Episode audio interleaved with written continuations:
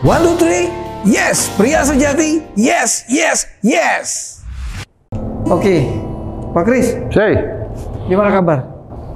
puji Biasa Tuhan baiklah. Pertanyaan standar kan, gimana kabar? Habis nggak ada bahasa lain kalau mau nanya kabar itu gimana? Iya kan? Oke, oke, oke. Kayaknya kita kan udah melakukan prokes nih dalam podcast kita kali ini. Terus teman-teman kru juga eh, sudah melakukan prokes. Bahkan ini tiap minggu kru kita itu setiap minggu karena memang ini tugas pekerjaan mereka setiap minggu lakukan swab antigen. Jadi eh, protokol kesehatannya kita sudah jalankan. Jadi kita ngobrolnya lebih enak mungkin cepat masker ya. Mereka setiap minggu swab antigen itu. Iya. Hari. Swab kuping, korek kuping. Aduh, iya iya iya iya. Bagus juga sih. Kamu udah vaksin kan? Iya dong. Ya, aman lah. Saya juga Udah- udah vaksin. Sudah tiga kali kita ini. Mau keempat. Imunisasi. Oh iya, kita sekarang imunisasi. Ini udah kayak ya. kayak kayak makanan lah sudah. Pak Kris, nyanyi dulu kita satu lagu lah. Boleh lah. Ya, kita nyanyi. Kau nyanyi aja nanti aku Ada ikut satu lagu nyanyi. ini lagu lama sekali sih, tapi nggak tahu lah ya. Kalau buat saya sih ini lagu bukan lagu lama, ya. Lagu itu memang mungkin produksinya lama, tapi memang mau kapan pun dinyanyikan pasti asik-asik aja. Judulnya apa dulu? Yesus aku mau melangkah. Ah, kau nyanyi aja sendiri. Aku nggak tahu lagunya? Kau nyanyi aja, aku Eh, dengar. Chorusnya kayak gini. Yesus, aku mau melangkah. Tahu? Lebih tinggi dari hidup yang lama. Bahkan aku ingin terbang melayang tinggi bersama denganmu.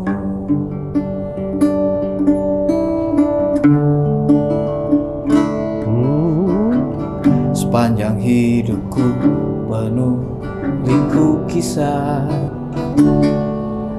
Tak pernah ku rasakan ya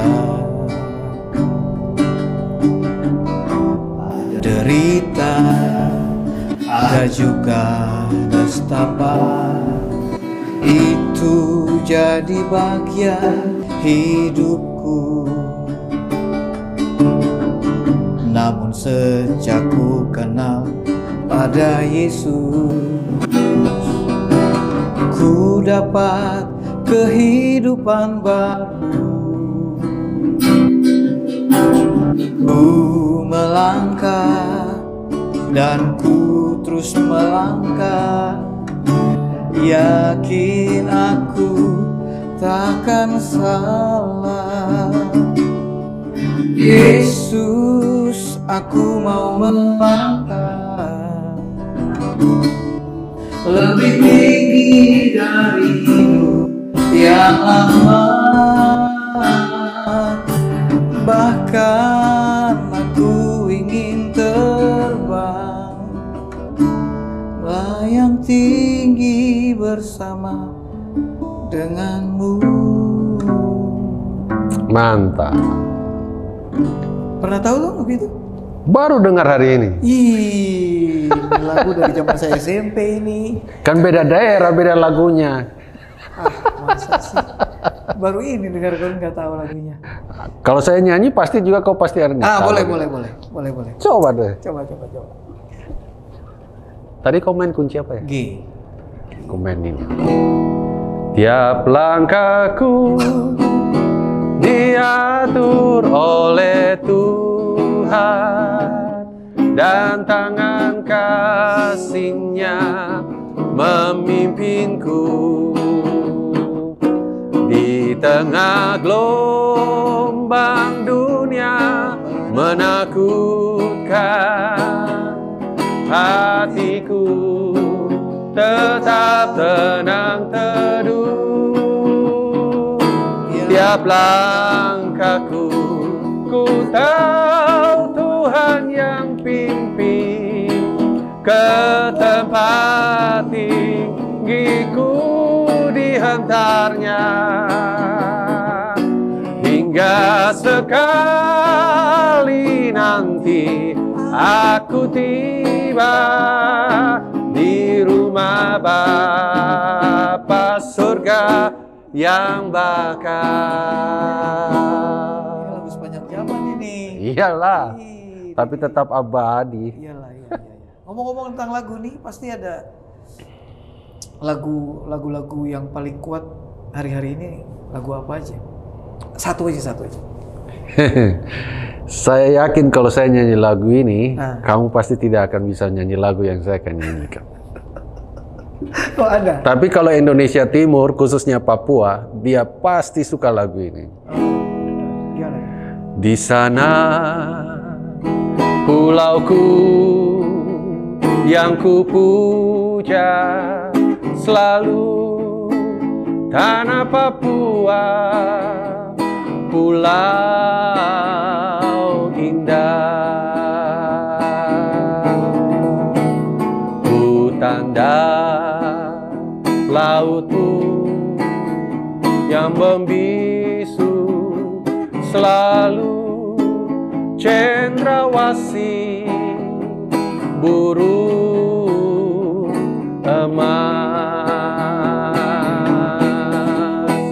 gunung-gunung lembah-lembah yang penuh misteri. Kau ku puja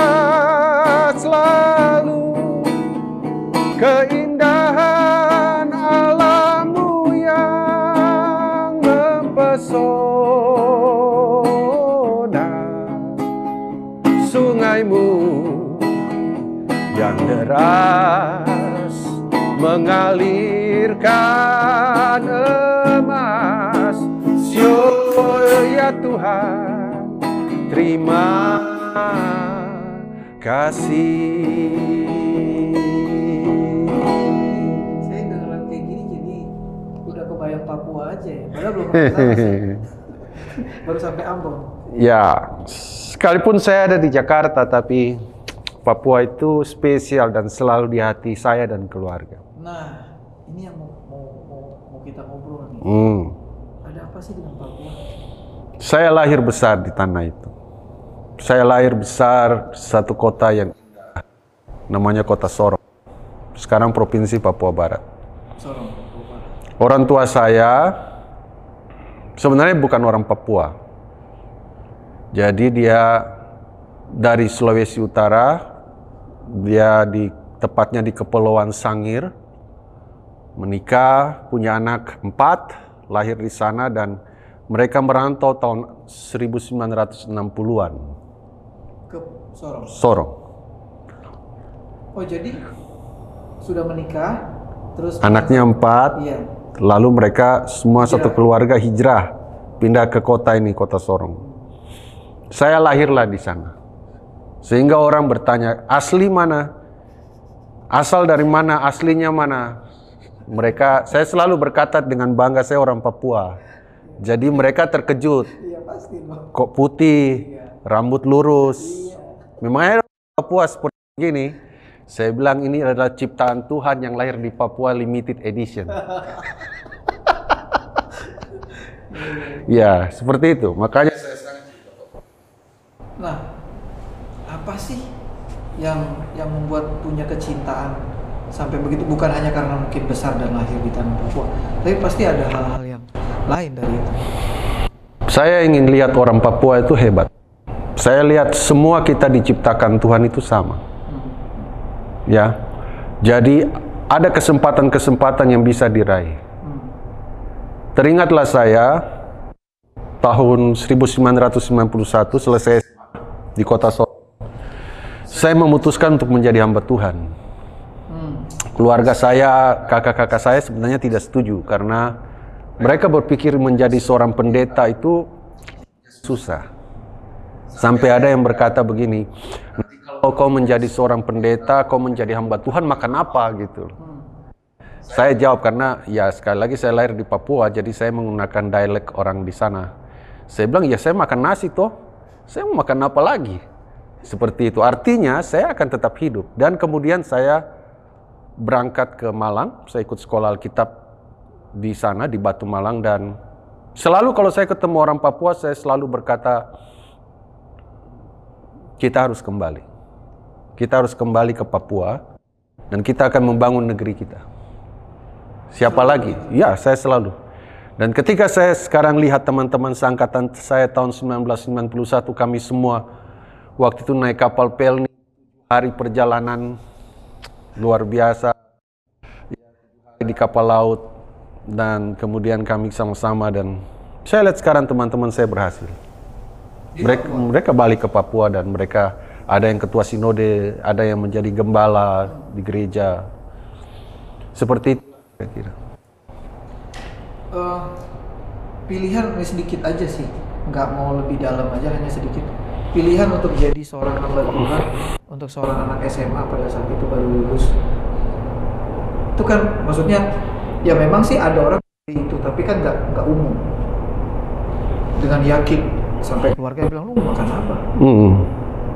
Padahal kan keluarga Kristen, Hmm. iya toh? Hmm. Ya kan memang bukan keluarga hamba Tuhan. Nah, hal apa sih yang paling mendorong banget sampai eh, ini harus saya lakukan? Suatu saat saya eh, dengar mama saya berdoa. Oh, mama berdoa. Setiap jam 5 pagi, Hmm. dia pasti berdoa. Saya satu saat ya antara setengah dan bangun saya dengar dia berdoa. Hmm.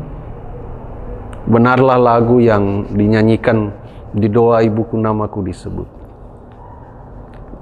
Pasti bertanya, Iya. kok ibu yang berdoa, bapaknya ke mana? Bapaknya pergi, belum pulang-pulang. Iya, iya. Ya itu cerita lain lah ya. Dia selalu berdoa begini.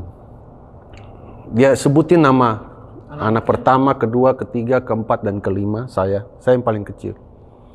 Dan dia berkata, dia pernah berdoa begini, saya dengar. Tuhan, saya menyerahkan Kris ke dalam tanganmu. Hmm. Saya ingin dia jadi hamba Tuhan. Nah itu. Saya mau beri yang terbaik untuk Tuhan melalui anak ini. Hmm. Saya sih tidak mengerti apa-apa. Kok pada saat itu nggak? nggak ngerti. Ternyata itu hasil doa dari seorang mama buat saya. Sampai sekarang. Waktu mendengar itu kira-kira tahu nggak maksudnya usia berapa sih? Nah, saya pengen cuma pengen tahu aja kira-kira Sekitar- dari waktu doa itu sampai akhirnya saya mau jadi hamba Tuhan SMP. SMP ya. Jadi sekitar 14-15 tahun. Jadi antara tiga tahun dia terus berdoa buat itu. Iya. Saya pikir sih bukan karena doa seseorangnya sih, tapi memang doa itu sesuai dengan sebuah rencana yang Tuhan buat. Oh ya, Iya. saya percaya. Iya kan? Hmm. Bukan karena sekarang kadang kan ada sebagian orang, iya doa seorang ibu, tapi kan memang bukan karena itunya gitu loh. Hmm. Kebenarannya kan nggak kayak gitu. Kebenarannya adalah ya doa yang sesuai dengan apa yang Tuhan sampaikan. Nah kebetulan si mama sudah punya itu, sudah dapat hal itu, sehingga dia mendoakan. Ya, jadi puji Tuhan sih dari lima bersaudara saya yang hamba Tuhan. Begitu. Berjalan nih waktu, waktu, waktu, waktu sampai dapat tentang Papua itu. Ya karena memang saya lahir besar di Papua dan ingin melayani di Papua, selesai saya pendidikan di Malang, saya menjalani tugas sekolah, praktek dan lain sebagainya tahun 96 Tahun 96 saya balik lagi ke Papua. setelah selesai studi ya. Ya. Beberapa teman saya berkata harus jadi gembala. Gembala sidang. Harus merintis jemaat. Saya bilang saya nggak dapat bagian itu. Gitu. Ini yang ini yang kemudian membuat sesuatu yang berbeda. Apa itu? Yang berbeda adalah sampai sekarang 2021 ini saya nggak pegang jemaat. Hmm, Bukan berarti saya nggak mau. tawaran banyak ya? Tawarannya banyak. Di ibu kota negara ini juga ada. Oh, Jakarta juga Ada. nih ya. Ada. Wih. Jadi Tapi saya nggak mau. Bukan saya nggak suka. Tapi saya nggak mendapatkan suara Tuhan yang spesifik yang berbicara untuk saya akan memulainya. Apalagi yang di Jakarta ini. Seperti itu. Jadi saya berjalan sesuai dengan apa yang ada. Konsekuensinya ada? Ada. Dan saya jalani. Begitu. tantangan apa sih atau ya mungkin tantangan yang namanya waktu mau waktu sedang menjalani itu yang yang yang sampai hari ini tantangan itu tetap ada. Tuhan mengajarkan saya sampai hari ini selalu mengandalkan Dia. Tuhan mengajarkan saya untuk tidak boleh khawatir akan masa depan dan hidup ini. Tuhan mengajarkan saya untuk betul-betul 100% itu surrender, berserah hanya kepada Dia. Karena eh, Agustus kemarin aku bersyukur ya. 30 tahun saya melayani Tuhan. Agustus. Saya belajar bagaimana tidak mengandalkan manusia. Saya belajar untuk tidak berhutang kepada manusia. Saya belajar untuk betul-betul berharap dan bergantung kepada Tuhan. Saya belajar dari semua perjalanan kehidupan saya dengan Tuhan. Saya belajar untuk melihat bagaimana Tuhan menyertai dalam perjalanan hidup saya dari hari ke hari sampai sekarang ini ketemu kamu, Oi. Kalau saya dulu sering dengar namanya tapi jarang ketemu orangnya. itu aja. Kali-kali kita ketemu itu waktu di NSG setiap dua tahun sekali ya. Iya, itu udah. Kamu di panggung, aku di belakang. Malu. Bukan belakang panggung, di, Malu, di malu. belakang meja. Kan beda beda bedain level. Bisa aja. Lah. Oke, iya. Jadi eh, ini kita sekarang bahasnya tentang hal itu dulu. Nanti ada hal yang lain lagi. Eh, tadi tentang Papua, terus tentang panggilan, terus tentang tantangan. Hmm. Ini mau lebih konkret lagi. Hmm. Tantangan kan terus menerus nih sampai hari ini juga. Hmm. Tadi udah 30 tahun ya di dalam pelayanan. Satu contoh lah, gimana sih menghadapi tantangan itu, kegentarannya seperti apa dan sampai mengambil keputusan Tuhan saya tetap berserah Tuhan.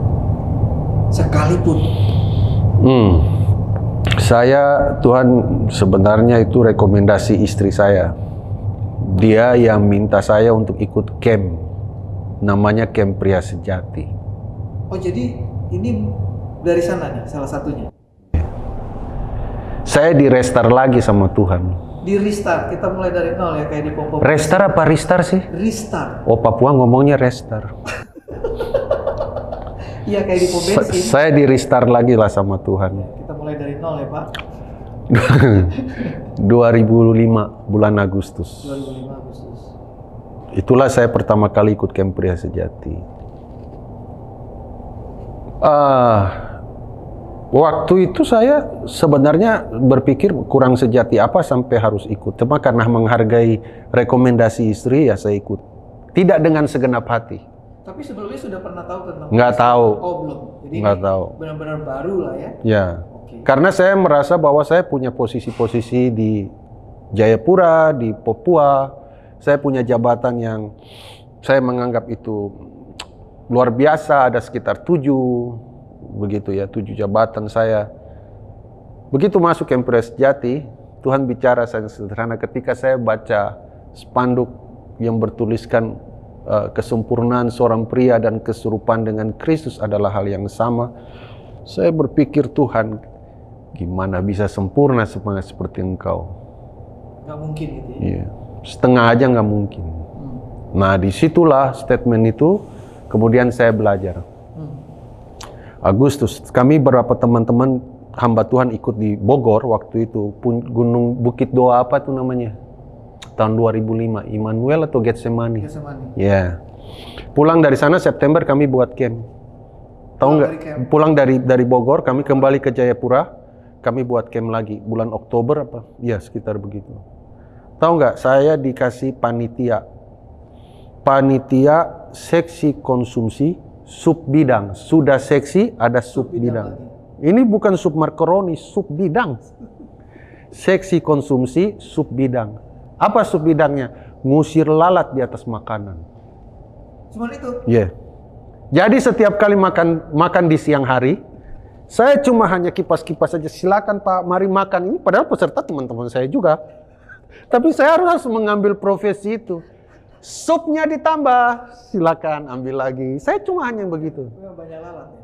Jadi pertama kali saya di restart sama Tuhan, saya mengambil bagian itu dan saya menerima itu tanpa bersungut. Biasanya Biasanya duduk manis dong.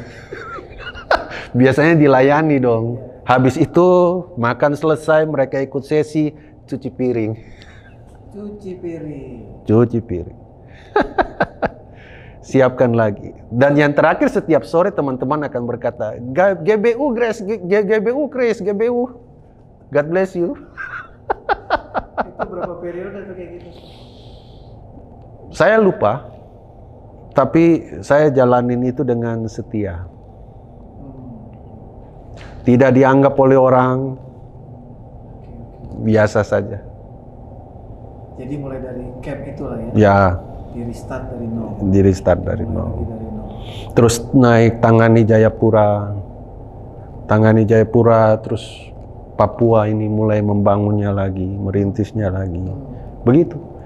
15 tahun 15 tahun. sampai 2000 eh, eh, 2005 saya ikut berat 2019 Oke.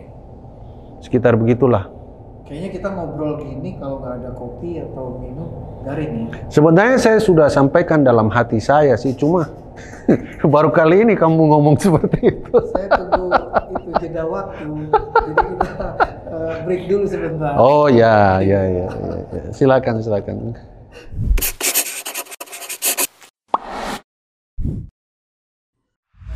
Kopi, ada pisang goreng. Kita cicip dulu ya. Oh ya, Cici mau makan? Ya cicip dan makan. Oh ya, oke. Harus jelas dong kalau sama saya. Detail, detail.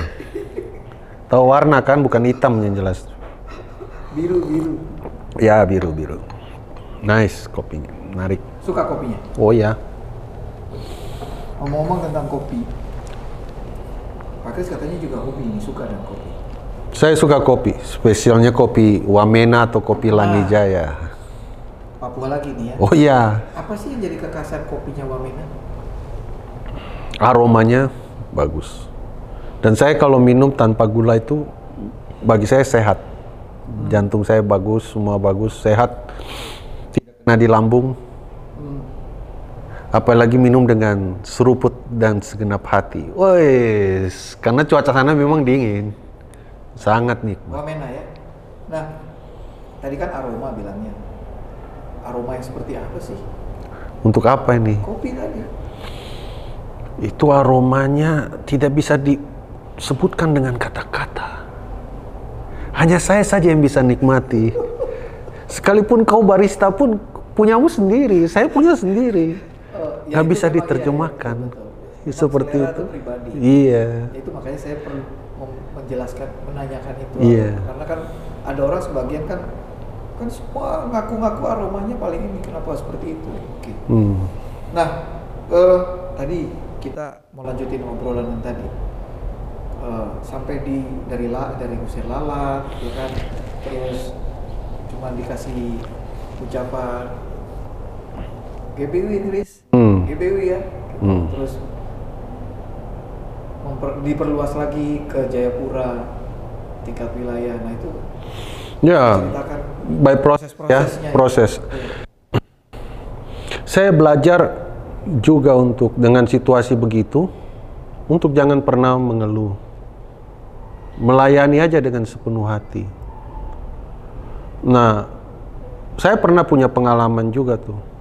Selain usir lalat, admin. Admin merangkap-rangkap. Di panitia nih. Iya. Masih rekap semua, pagi bangun, Ah, lupa. Belum mandi jujur saya waktu itu belum mandi.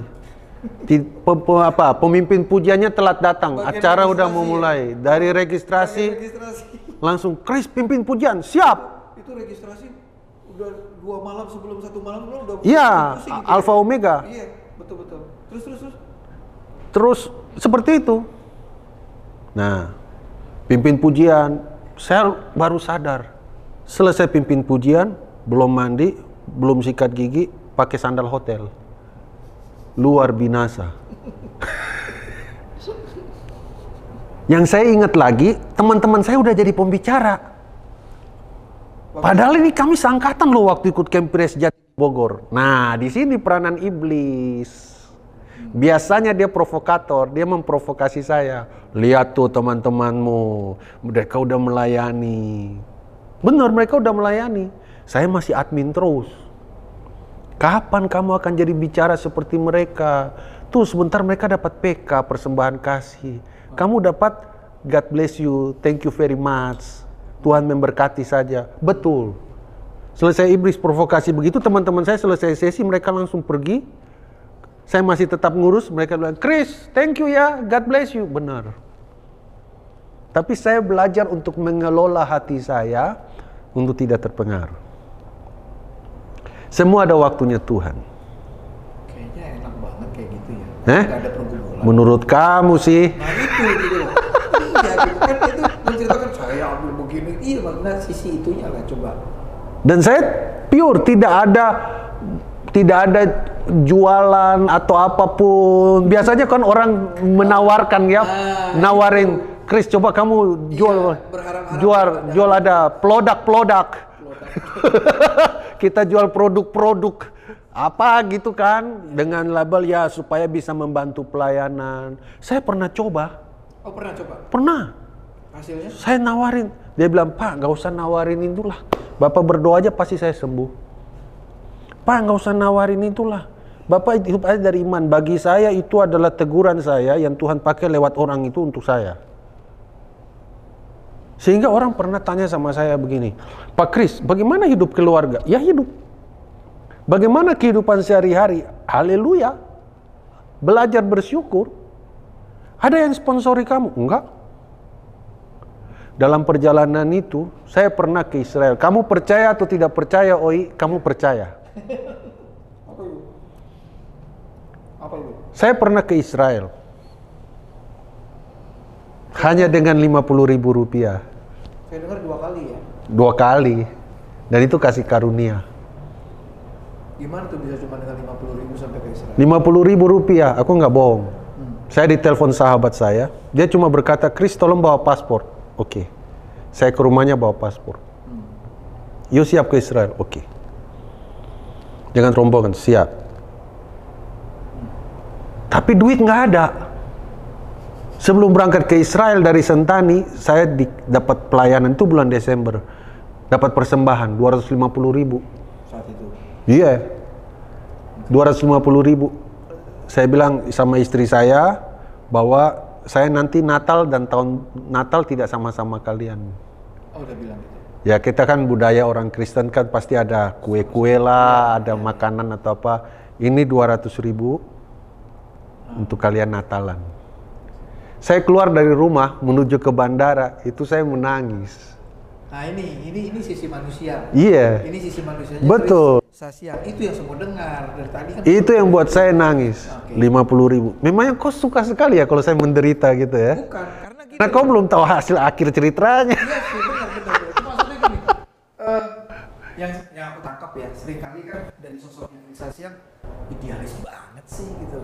Cerita misalnya gimana kehidupan keluarga cukup cukup kan berarti sudah gitu loh. Kita mau nanya apa lagi? Justru kan di bagian yang nah itu tadi saya menangis. Nah ini itu loh. Tapi bukan maksudnya mau membesarkan tapi kan jarang orang mendengar tentang hal itu gitu. Nah ini yang kita mau dengar. Jadi saya ke bandara, bandara Sentani. Waktu itu tiket belum include airport tax. Jadi saya harus beli lagi airport tax. 30 ribu. Itu udah 50 ya? Iya, 50 dari rumah. Airport tax 30 ribu. Ke ibu kota negara 20 ribu. Menurut saya itu antara hikmat dan dan kebodohan tuh beda-beda Nah, nah ada solusinya. Antar dulu. Solusi dari iblis. Setelah saya dapat boarding pass, airport saya sisa 20 ribu kan? Iya. Saya tunggu pesawat. Di, apa saya tunggu di ruangan tunggu. Iblis mulai provokasi. Chris, katanya pembicara pria sejati. kan pasti banyak anggotanya dong. Iya, iya, iya. Masa? Katanya sudah keliling pembicara hebat. Mau ke Israel 20 ribu. Lalu dia provokasi, tapi dia memberikan jalan keluar. Kalau Yesus bilang, akulah jalan dan kebenaran dan kehidupan, Iblis juga berkat, dia memberikan jalan keluar bagi saya. Waktu itu belum ada WhatsApp, Iya, iya. SMS. Oh, oke masih SMS. Dia berikan solusi dan kalimatnya. Apa itu? Kau ketik HP-mu. Tolong bantu dalam doa. Perjalananmu, hambamu ini menuju ke tanah suci Israel. Rohani sekali. Kalimatnya tahu jelas. Kalimat-kalimat kayak gitu. Dan dia dia juga merekomendasikan kepada siapa saya harus mengirimkan Wih, SMS lengkap. Spesifik ya.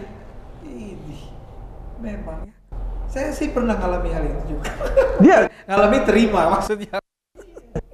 dia berikan kalimat dan yang kalimat tolong bantu dalam doa ini pun dia tidak berkata untuk tolong kirim ke gembala ini ke pendeta kan biasa pendeta yang berdoa ya ya tolong bantu dalam doa. Hanya tolong bantu Saya dalam doa. perjalanan. tapi dia sudah membuat list.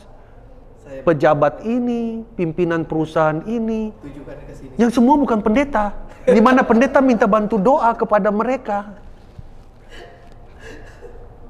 Itu ya. Terus? Itu saya alami. Zaman ini saya rasa nggak ada. Ah, mungkin nggak ada yang ketinggalan. Oh asik. saya nggak tahu. Tapi zaman saya saya punya pengalaman itu. Saya juga pernah punya pengalaman menerima maksudnya terima terima seruan itu. Bantu dalam doa. Iya. Oh, iya. Gitu. Dan syukurnya saya tidak lakukan itu. Syukurnya saya tidak lakukan. Saya tetap bertahan dengan 20 ribu. Pertanyaannya kalau sampai Jakarta, saya mau ke mana? Nggak tahu. Rombongan dari Papua yang mau ke Israel belum berangkat. Tinggal di mana? Mereka, saya harus duluan berangkat. Tinggal di mana? Nggak tahu. Sampai di Bandara Soekarno-Hatta, langsung aja duduk taksi Bluebird, kursi belakang tapi posisi tengah. Oh, Tahu tujuannya? lihat argo. Iya. di mana sampai 20 ribu berhenti di situ. Lanjut lanjut terus terus. Udah mendekati mendekati 20 ribu tiba-tiba telepon masuk. Pak Pendeta posisi di mana? Jakarta. Lagi ngapain? Mau ke Israel. Kalau begitu arahkan taksimu menuju ke hotel di Kuningan. Seumur hidup sobat, saya baru tinggal di hotel yang lima, apa? Hotel berbintang 5 pada waktu itu. Lima puluh ribu. 20 ribu sampai di ibu kota. Tinggal di hotel berbintang 5.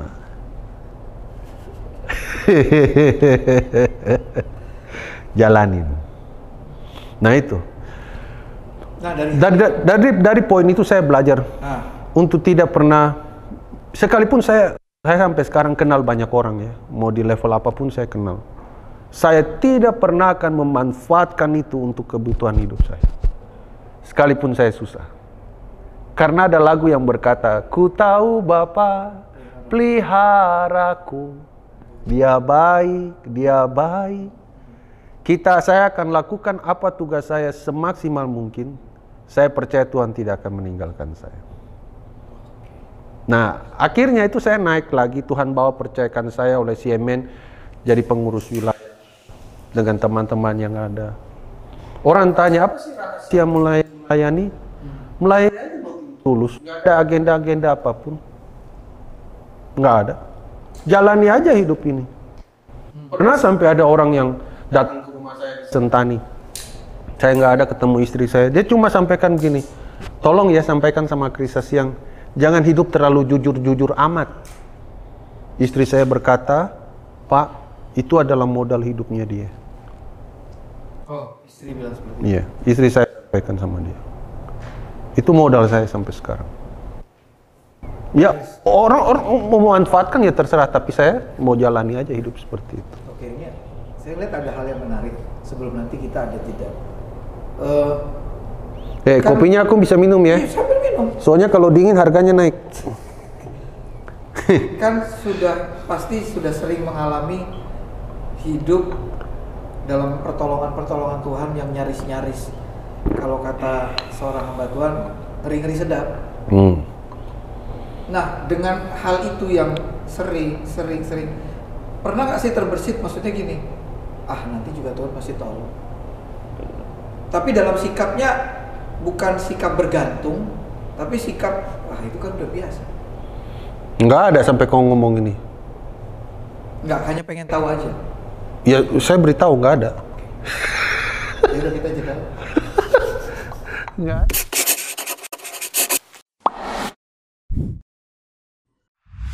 Hmm. Kita sambung lagi ngobrolnya tadi. Hmm. Sampai di eh, perjalanan pelayanan. Mungkin yang tadi bintang 5 Ya. sekali seumur kan. Nah tadi kan nggak ada bahwa nggak pernah tuh kepikir bahwa memang pasti eh, sikap ngentengin atau biasa aja bahwa pasti Tuhan tolong pasti Tuhan tolong. Oke nggak ada. Nggak ada. Nah eh, keseharian setiap hari gitu berarti semua bergantung sama Tuhan Ya. Benar. kebutuhan keuangan Ya. bayar listrik Ya. ya toh? Ya. anak sekolah Satu saat saya dengan saya dengan istri satu saat kami dua sakit malaria. Kompak nih sakitnya dua-dua terbaring. Sudah malaria, sakit malaria, demam tinggi gitu ya, gemeteran di rumah. Kami nggak beritahu siapa-siapa juga. Coba gantian aja siapa yang. Bangun, masak. Pas bukan duitnya nggak ada. Kalau duit nggak ada, habis sama sekali. Uang receh sih masih ada. tapi kan ada di dalam kejemaatan masa nggak ada yang kontak nggak ada yang tanya kasih taunya Waktu itu nggak kepikir kali. Wih sampai begitu ya Jadi kami dua jalani sakit, uang pun hanya uang receh mungkin nggak ada. Teringat saya itu ada singkong, ubi. Kalau orang Sorong bilang kasbi di halaman di halaman belakang rumah. oh tanam ya Saya tanam. Jadi diambil singkongnya, diambil daunnya untuk lalapan. Singkongnya direbus, lalapannya ini. Sekarang ikannya nggak ada. Mau pakai apa? Duitnya uang receh. terus Lihat Tuhan ajaib. Datanglah seseorang. Pak Pendeta Shalom ketuk pintu rumah. Dia bawa satu ekor ayam. bawa seekor ayam Ya, satu ekor ayam kampung hidup. oh Jantan, saya ingat betul. Besar. Saya tidak pernah telepon, saya tidak pernah berjumpa. Oh jadi nggak kenal sama ini orang Saya kenal, oh saya kenal saya kenal dia. Tapi lama gitulah saya nggak jumpa. Ketuk pintu. Penderisi Pak Pendeta. Iya Pak, ini lagi malaria.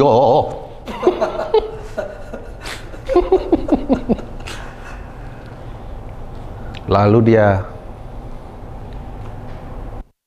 suruh saya untuk bawa ini hmm. ayam. Itu air mata langsung mengalir. Kenapa? Dia tidak akan membuat saya menderita. Karena saya pegang ayat Mazmur berkata, orang yang hidup benar sampai anak cucunya tidak akan pernah meminta-minta. Saya pakai prinsip itu. Terserahlah orang mau menerjemahkan apa idealis atau. Kalau saya, saya ingin lihat itu. Karena saya pernah Nah, membuat sebuah komitmen bahwa saya yakin Tuhan akan pelihara saya. Itu saya sudah buktikan dari tahun 91. Tidak bayar SPP uang semester. Lulus tanpa ijazah. Cuma terima map tanpa ijazah. Tahu kenapa? Nggak bayar. belum bayar Iya, belum bayar. Belum bayar SPP. Terus saya mau protes sama Tuhan. Ya enggak lah. Saya alami itu, Tuhan pelihara. jadi ada mas Masa susah saya, tapi saya buat itu jadi happy. Saya buat itu jadi sukacita. Kami jalani hidup itu enjoy. Orang berkata, sampai pernah ada ada satu ya, satu perusahaan Indonesia, vice president. Dia hanya telepon, Pendeta, saya di Sentani, oke, tapi saya mau tidur di rumahmu. Hah? Ya saya oke aja. jadi dia datang Dia datang. Saya bilang saya hanya punya AC. Oh nggak apa-apa, tapi angin cepoi-cepoi. oh nggak apa-apa, Tapi kan dia sudah udah, udah pikir ini mateng deh. Karena orang Jakarta kan AC. Saya enggak, kipas angin. Dia pengen tidur di rumah kami. Jalan silakan aja, tapi tidur apa adanya ya. Oh iya iya. Dia ingin lihat gimana sih Krisas yang itu hidupnya dengan, keluarga. Sederhana. Itu aja yang dijalani. Nah, Tuhan bawa kami. Memang setiap perkara yang kecil akan dipercayakan perkara yang besar. Tanggung jawabnya naik, naik. Tapi jangan satu satu saja jangan jam jadi sombong. Jangan rasa hebat. Uh, ada orang-orang di sekitar kita yang bersama-sama. Nah itu. Jadi Tuhan percayakan lewat Siemen saya pengurus wilayah. Hmm, naik level nih ya. Ya, seperti itu. Tapi ya rendah hati belajar untuk biasa saja. Yesus luar biasa. Ya. Kadang-kala ada godaan-godaan, rasa tidak dihargai. Kok kenapa bukan saya yang doa penutup? kenapa bukan saya yang harus tampil di depan? Itu biasa muncul. Tapi ternyata itu saya buat santai saja untuk mengingatkan saya, saya ini cuma seorang hamba Tuhan. Posisinya naik, tapi tetap hamba Tuhan yang melayani. Makanya tadi 2005 sampai 2019 itu bukan 20 tahun. Itu berarti saya kurang dalam matematika itu. 15 tahun. Datanglah BOD, Direktur CMN itu ke Wamena. Ada pria sejati yang modul 2 namanya BMRS. Nah mereka diskusi dengan saya. Chris, bagaimana kalau kamu ke Jakarta? Hmm. Saya bilang, saya bawa dalam doa dulu. Saya berdoa dulu. Ya, orang yang pertama yang saya beritahu ya istri saya.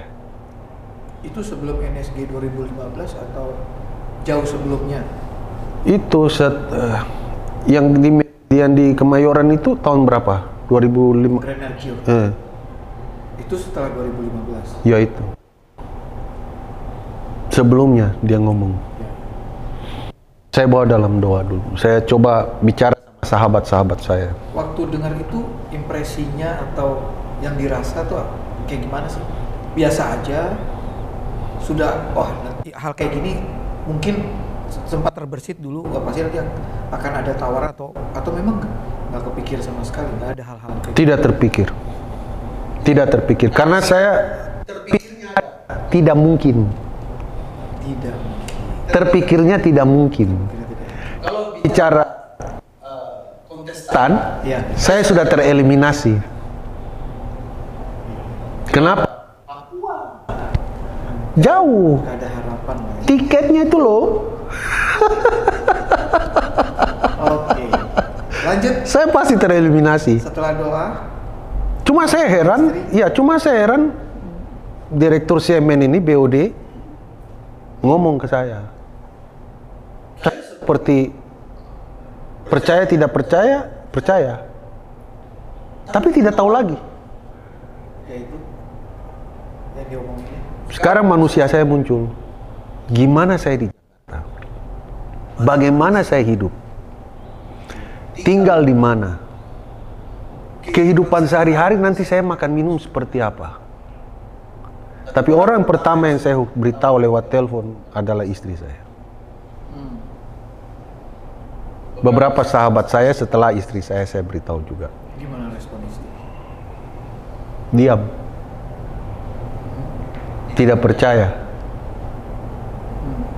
Sebuah kesempatan, sebuah peluang yang sepertinya tidak mungkin. Tapi sedikit ya sedikit. Pernah nggak sih kepikir ada plan atau apa pun lah itu? Kita satu hari kayaknya perlu ke Jakarta deh. Tidak ada. Jadi memang betul-betul sama sekali tidak terbayangkan ya. Tidak. Akan ada tawaran akan stay di Jakarta. Ya. Istri katanya kan, kan pendoa nih. Waktu dapatkan hal itu apa dia juga mendoakan secara khusus lagi Iya. untuk uh, sebuah konfirmasi Ya. ya kaitannya tadi mungkin "Oh, nanti mau gimana hidup di Jakarta Ini harus lepaskan ini, harus ini, harus ini dan pindah ke tempat yang baru dengan sesuatu yang betul-betul baru. Tahu nggak Tuhan itu selalu ajarin aku dengan jawaban-jawaban yang sangat singkat. Ketika saya khawatir, ketika saya banyak hal yang saya pikirkan, dia jawab dengan singkat. Dua, tiga kata, empat kata itu cukup. Jadi saya khawatir, saya berpikir di mana, fasilitas apa yang saya dapat, berapa yang saya dapat terima. Padahal Papua saya nyaman. Minggu saya pasti ada jadwal berkhotbah. Hampir setiap minggu saya bisa keluar daerah. Saya bisa pelayanan ke mana-mana. Sekarang di Jakarta. Saya Simple ya. dan saya terima itu. Itu aja.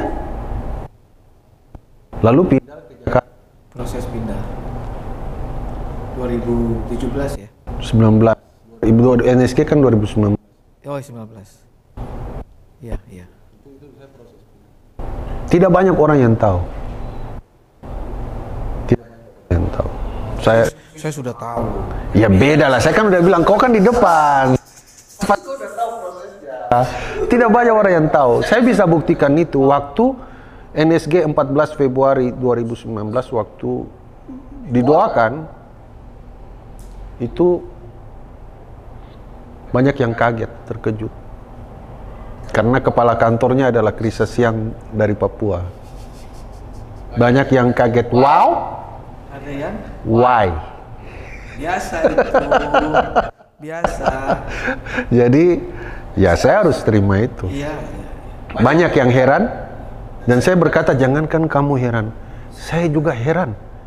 Mungkin Tuhan terheran-heran.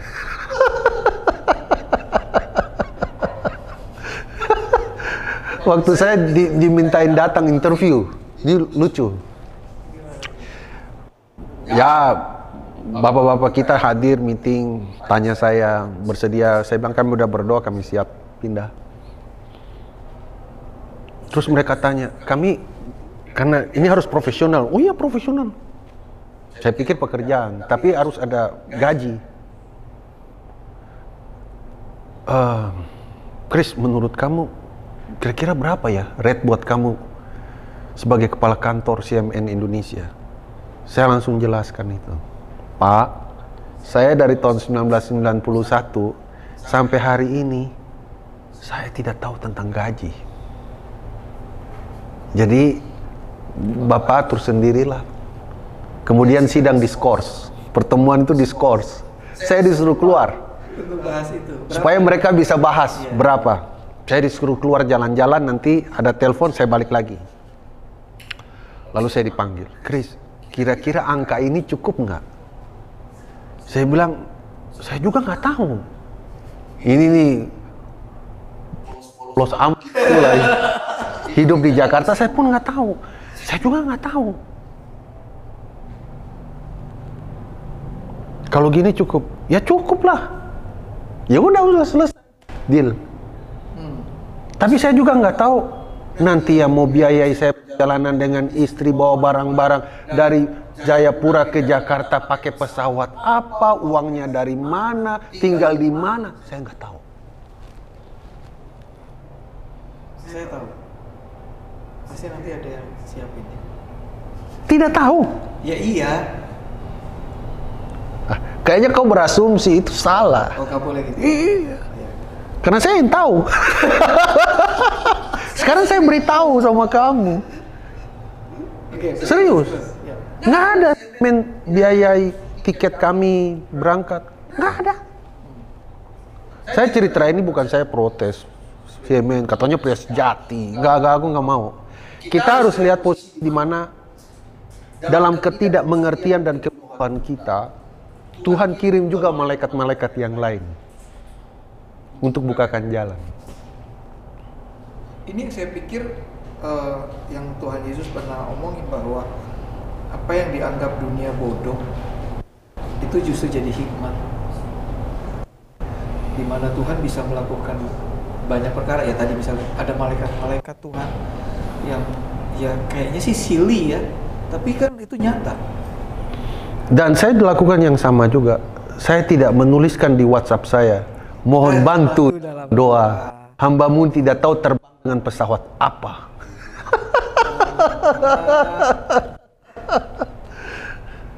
Jadi singkat cerita, bagaimana Tuhan menyediakan fasilitas-fasilitas dalam proses pindah, Iya.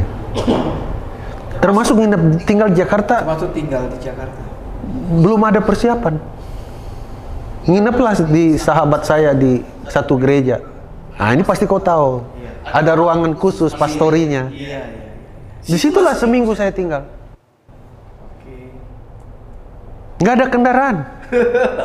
itu tahu. Nah ini kau tahu ceritanya. Saya nggak ada kendaraan. Iya, iya, iya.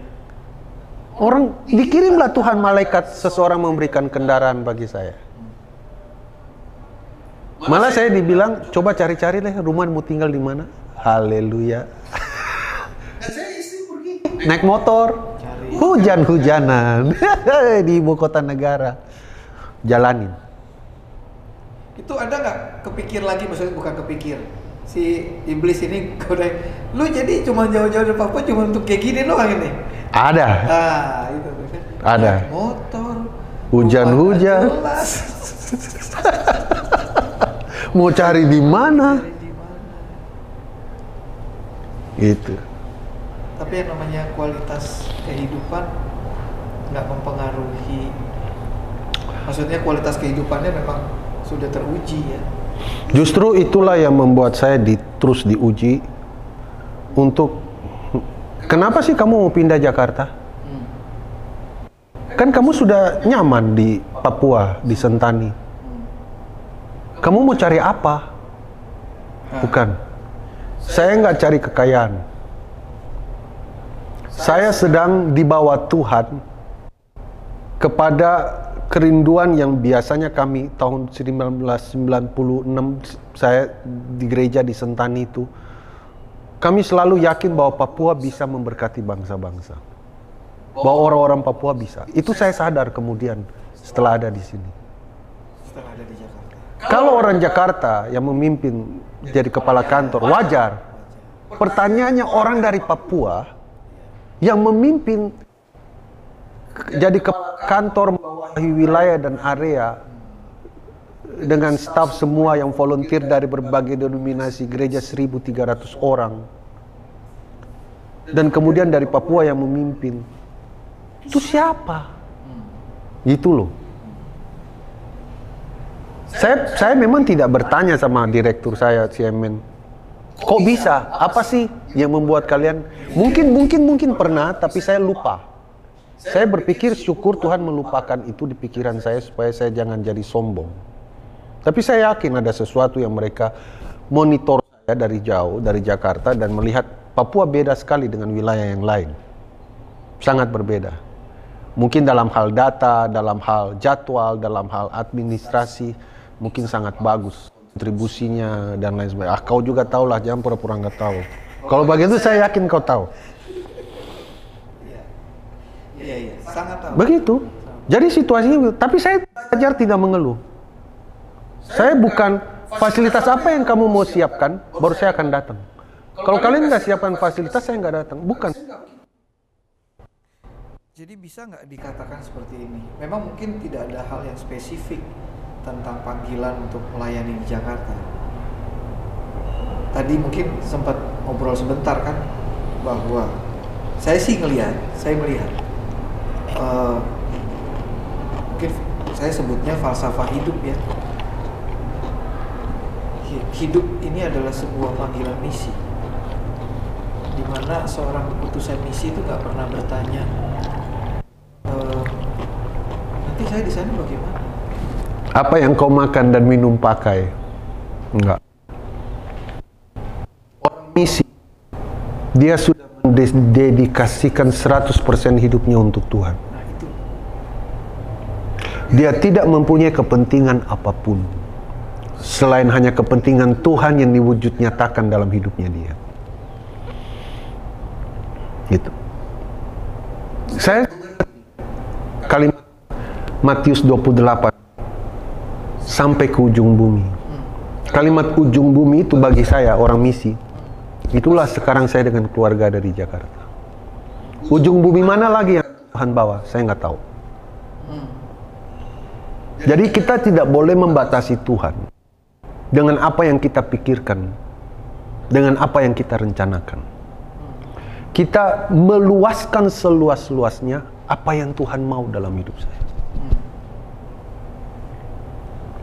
Makanya waktu waktu saya ke Jakarta hanya kalimat itu saja yang Tuhan ngomong. Kalau dalam dialek orang dialek orang Papua, Yesus kira-kira berkata begini, "Bu, di Papua saja saya pelihara ku apalagi yang cuma di ibu kota negara." Itu yang saya pegang sampai hari ini. Aja. Oh. Pak Kris, mungkin agak lebih dalam lagi nih.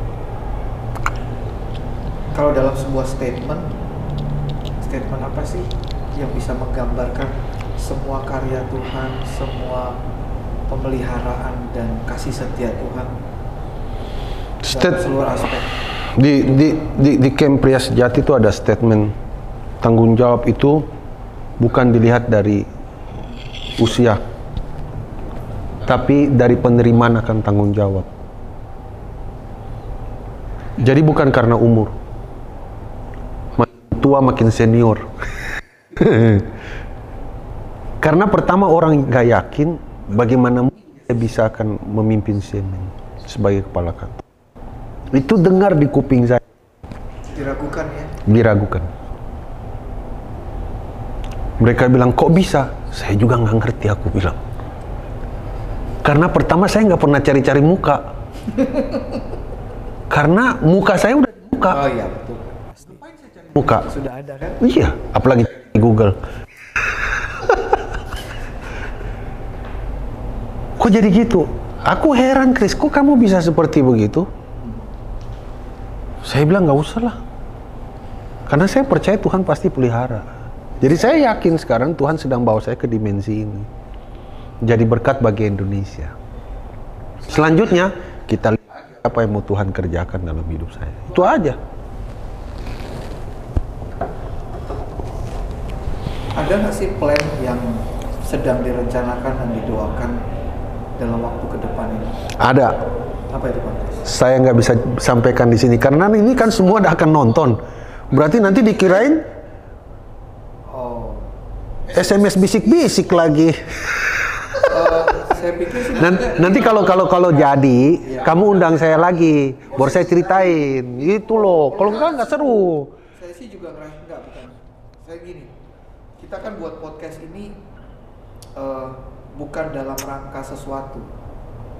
Enggak sih. Kita pengen mendengar secara tulus ya, walaupun ada orang nggak bisa melihat hal itu. Tapi paling tidak pasti ada orang yang bisa menyimak dan menangkap maksud ini. Ya, bahwa eh, misalnya nih ada sosok seorang Krisasia yang percaya banget bahwa hidupnya adalah sebuah pengabdian panggilan misi. Hmm. Notabene untuk sekarang itu barang aneh. Hmm. Tapi sebenarnya kita lagi butuh hal-hal seperti itu gitu. Hmm. Untuk meng- meng- mel- melihat bukan Tuhan nggak mampu sih untuk melihat eh di, di di dunia yang seperti sekarang ini Tuhan nyata loh karena ada hal ada contoh ini nah cuma kan hal itu tuh jarang keluar yang tahu juga mungkin hanya sebagian orang Papua kalau lebih kecil lagi mungkin hanya orang-orang di sekitar Pak Pak Kris aja yang memang tahu tentang kehidupan yang Pak Kris jalan Hmm. dan yang memang mengenal itu Hmm. makanya saya rasa bagian dari podcast ini ya kalau orang melihatnya itu sebagai bisik-bisik silakan monggo gitu tapi ya kita percaya hal ini nanti bisa dibuktikan di waktu-waktu yang akan datang Eh, kan waktu akan menguji segala sesuatunya Betul. baik atau benarnya buahnya itu seperti apa gitu Ya. jadi saya pikir eh, mungkin ya memang saya akan simpan dulu tuh teman saya kan bertanya Iya. Saya kan punya hak untuk tidak menjawab. kan suka-suka saya. siapa tahu terpancing kan Enggak, karena umpanmu kurang menarik. umpan pancingan. gini, gini, gini, gini. Gini, saya kasih bocoran ya. Bocorannya adalah di semen kita ini kan ada priorisasi. Priorisasi pengurusan nanti dievaluasi lagi, kita akan lihat. Nah, di situlah kamu akan lihat nanti. Ya, Berarti kan waktunya nggak lama lagi. ya. di situlah.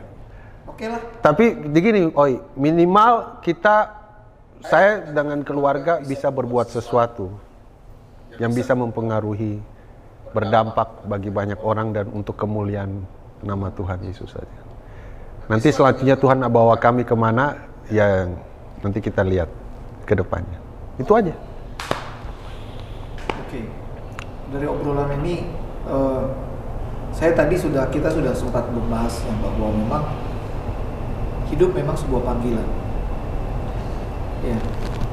Hanya saja kita percaya nggak dengan panggilan itu. Hmm. Kalaupun sudah percaya, kita mau hidupi nggak tuh panggilan? Hmm. Ya, ketika hidup itu panggilan itu dipenuhi kan pasti dong otomatis kemaksimalan demi kemaksimalan, Hmm. penyertaan Tuhan, janji Tuhan sudah ada di dalam itu. Hmm. Jadi saya saya mau simpulkan nih dari obrolan kita hari ini, Tuhan nggak pernah menyerah tuh dengan panggilan yang yang senantiasa selalu dia suarakan buat anaknya. Ketika kita masih berespon beda Hmm. terhadap panggilan itu, Hmm. Karena setiap waktu kan prosesnya ke arah panggilan itu lagi. Iya. Jadi kalau Pak Kris tadi kita dengar kan udah oke tuh tamat SMA eh, lewat sekolah Alkitab masuk ke step selanjutnya itu pun masih ada proses jadi usilalat dulu kan Iya, iya, iya, iya. iya. itu dia Panggilan tuh jawabnya cuma satu, yes. Jangan why. Kapan, mengapa, di mana, jangan. Yes, itu aja. Titik, jangan pakai koma. oke Pak Kris terima kasih sudah ngobrol-ngobrol di Koko Pria Sejati Thank you, Oi. dan eh, nanti akan ada episode selanjutnya nih Oh gitu. Iya Oh iya, tinggal tunggu panggilan aja. ada episode selanjutnya tadi kan rencananya belum selesai Iya, iya, iya, iya. kan? iya. Jadi kita akan sambung lagi nanti di periode berikutnya. Ngopi-ngopi lagi.